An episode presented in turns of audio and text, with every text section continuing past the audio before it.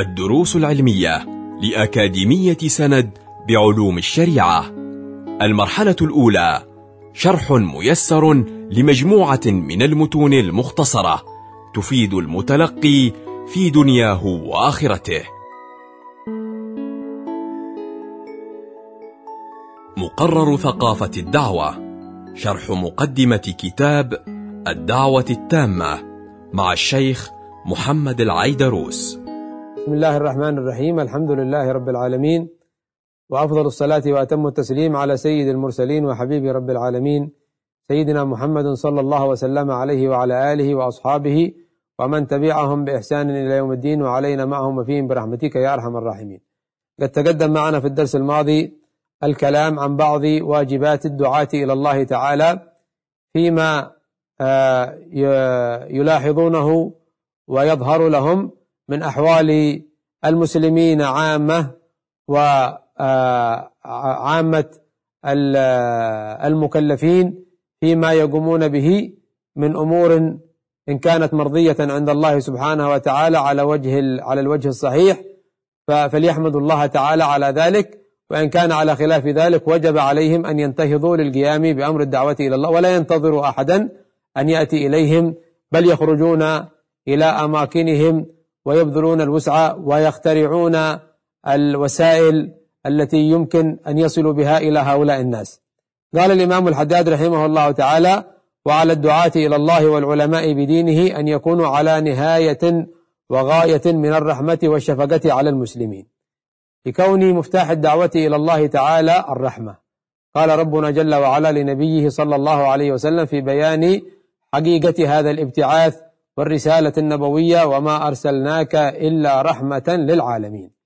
فوجب حينئذ على كل من ناب عن رسول الله صلى الله عليه وسلم في علم أو في سير إلى الله تعالى وبالخصوص في الدعوة إلى الله أن يحمل معه هذا المفتاح الذي لا يتخلف عنه في القيام بأمر الدعوة إلى الله. فيرحم نفسه من المعاصي ويرحم غيره أن يقعوا في انتهاك الحرمات فلا ف ف ف ف فيكون ذلك سببا لغضب الله تعالى عليهم. فيكون على غاية من الرحمة والشفقة على المسلمين. لأن المعلم والداعي إلى الله تعالى كالأب. وقد ورد عند الإمام أحمد وعند غيره فيما يرفعه إلى النبي صلى الله عليه وسلم بسنده إليه عليه الصلاة والسلام إنما أنا لكم كالوالد للولد أعلمكم. فالداعي إلى الله تعالى يتعامل مع المدعوين كما يتعامل الأب الشفيق مع ابنه فيحفظه من كل آفة ويعلمه حتى لا يبقى مضيعا ومضيعا. قال ومن الحرص والرغبة في إرشادهم وهدايتهم ليحصل بذلك على الثواب العظيم وخصوصا في الأزمان التي يقل فيها العلماء والدعاة. فيحوي هذا القائم والمهتم بأمر الدعوة إلى الله على فضائل كثيرة. ومن هنا بشر النبي صلى الله عليه وسلم أن للعامل في مثل هذه الأزمنة كأجر أو كثواب آه ثوابه كثواب وأجر خمسين من الصحابة.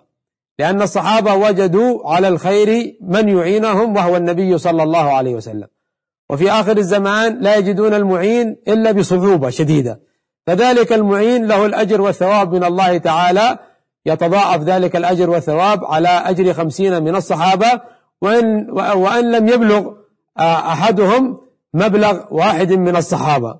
ولكن ذلك الثواب يتضاعف والله يضاعف لمن يشاء. ودعائهم إلى ما فيه نجاتهم وسعادتهم في الدنيا والآخرة. وأن يكونوا على نهاية من الصبر والاحتمال لأنهم سيشاهدون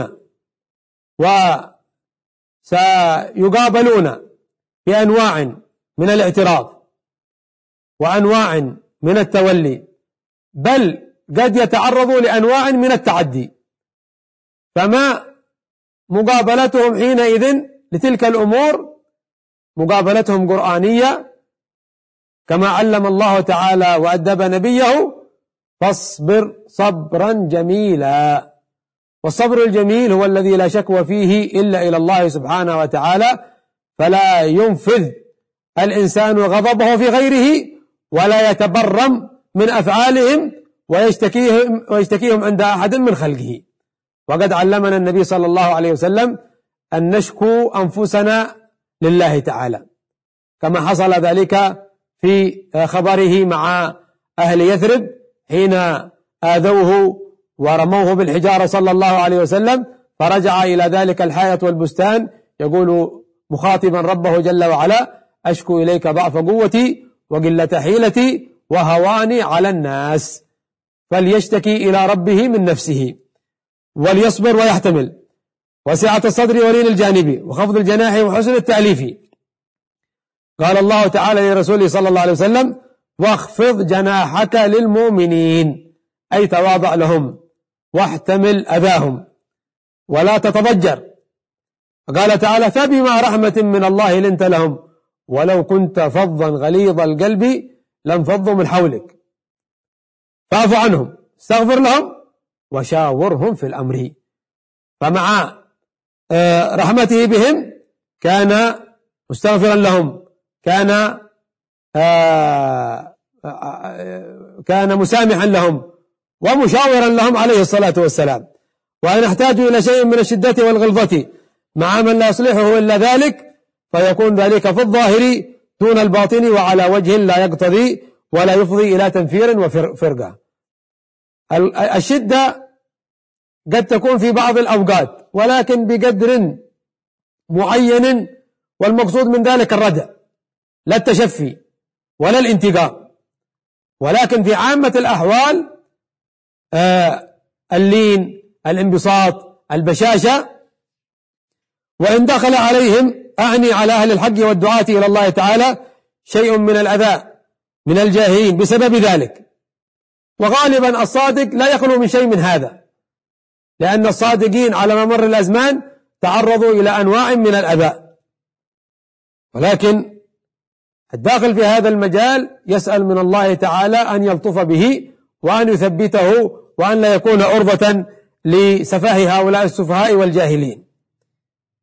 قال الله تعالى خذ العفو وأمر بالعرف وأعرض عن الجاهلين. وقال تعالى في وصف عباد الرحمن الذين ذكر الله تعالى لهم 11 وصف وقال وعباد الرحمن الذين يمشون على الأرض هونا. أي من عباد الرحمن الذين يمشون على الأرض هونا. فلا تشتكي منهم الأرض. فإذا لم تشتكي منهم الأرض فكيف يشتكي منهم من في الأرض؟ وإذا خاطبهم الجاهلون قالوا سلاما. فلا يقولون إلا السلام ولا يتعاملون إلا بالسلام. هذا الذي حملنا إياه النبي صلى الله عليه وسلم. لا تدخلوا الجنة حتى تؤمنوا ولا تؤمنوا حتى تحابوا. أفلا أدلكم على شيء إذا فعلتموه تحاببتم؟ أفشوا السلام بينكم. فجعل السلام مقترنا بالفعل كما أن السلام هو القول بالسلام عليك أو السلام عليكم. فقد قاست الأنبياء والرسل وأتباعهم من أئمة الحق والهدى من طوائف الجاهلين والمعرضين من الأذى أمرا عظيما فماذا قابلوهم به؟ صبروا واحتسبوا ولم يزدهم ذا تلك المقابلة, المقابلة السيئة إلا حرصا منهم على رحمتهم وعلى هدايتهم وإرشادهم إلى سبيل الله تعالى ونصيحتهم في دين الله وحثهم وتحريضهم على إقامة أمر الله واجتناب نهيه. هذا الذي درج عليه أنبياء الله تعالى ورسله والأئمة من أممهم والدعاة إلى دينهم. فلو استعرضنا أخبارهم ولو آه، بحثنا عن آثارهم لوجدنا أن حالهم جميعا يتشابه في مقابلتهم لمثل هؤلاء الجهال. قال والدعاة إلى دين من هذه الأمة المحمدية وغيرها من الأمم السالفة. وأما إذا لم يصبر هذا الداعي ولم يقابل آه، الداعي إلى دين الله تعالى بالرد الصريح وبالإيذاء ولكنه لم يسمع منه ولم يقبل دعاؤه أو قبل منه وأجيب ولكن لم يظهر على المستجيبين. آثار الاستجابة من الأخذ بالحق والعمل فليس له مع ذلك عذر في ترك الدعاء إلى الله تعالى وإلى سبيله. ولو ضربوه ولو شتموه وقد ضرب من هو أفضل منا وقد شتم من هو أعظم منا. ضرب الأنبياء كسيدنا نوح على نبينا وعليه الصلاة والسلام وشتموا وأوذوا ونبينا محمد صلى الله عليه وسلم هو أعلى مثال لنا نحتذي به. ولو أن يستجيب له في الزمن الطويل العدد القليل. ولو مضى عليه في الدعوة إلى الله السنوات الطويلة. العشر والعشرون وأكثر من ذلك ولم يستجب له إلا الأعداد القليلة فليس ذلك بعذر أن يتخلف عن أمر الدعوة إلى الله تعالى. وقد آمن بسيدنا نوح أقواما لا آه، آه، لا يزيدون على المئة كما قال أهل التفسير. خلال رحلة دعوية قاربت الألف عام خمسين وتسعمائة من السنوات.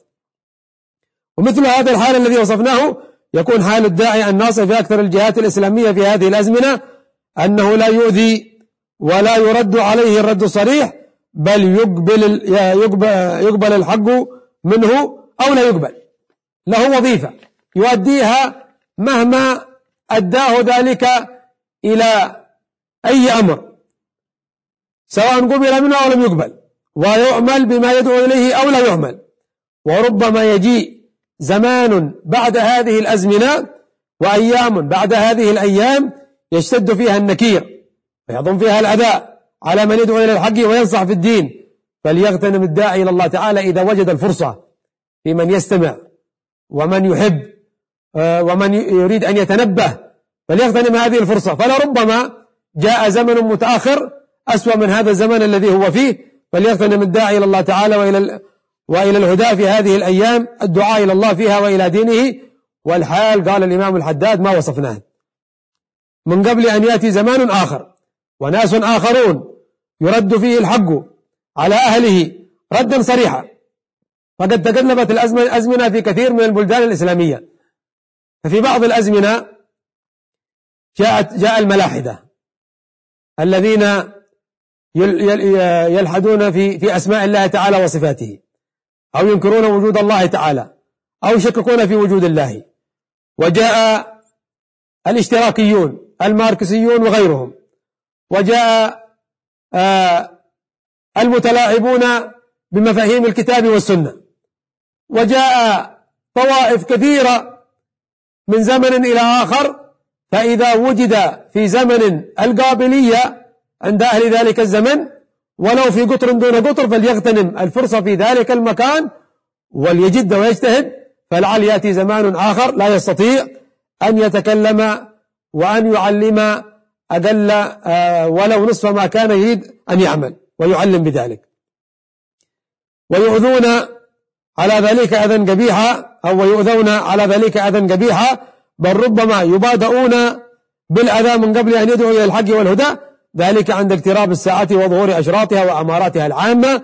كما يعرف ذلك من نظر في الأخبار والآثار. ونحن قد رأينا في هذه الأزمان آه، قتل العلماء خطف العلماء سحل العلماء مع أن الكثير منهم كان قد صمت ولا يتكلم ولكنهم لم يرضوا بأن يبقوا بينهم بهذه الكيفية فقتلوا منهم من قتلوا وسحلوا منهم من سحلوا ولكنهم ثبتوا حتى غير الله تلك الأزمان بأزمان أفضل منها. فالحمد لله على هذا الخير الذي أجراه الله تعالى في هذه الأمة.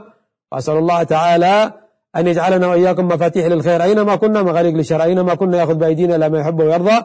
ويثبتنا على ما يحب ويرضى نبيه محمد صلى الله عليه وسلم. ووفقنا اللهم لما لكل خير ولكل طاعة ولكل بر. إنك على ما تشاء قدير وبالإجابة جدير. وصلى الله على سيدنا محمد وآله وصحبه أجمعين والحمد لله رب العالمين. كنتم مع الدروس العلمية لأكاديمية سند بعلوم الشريعة. يمكنكم متابعة جميع الدروس عبر موقع الأكاديمية وتطبيقاتها الإلكترونية.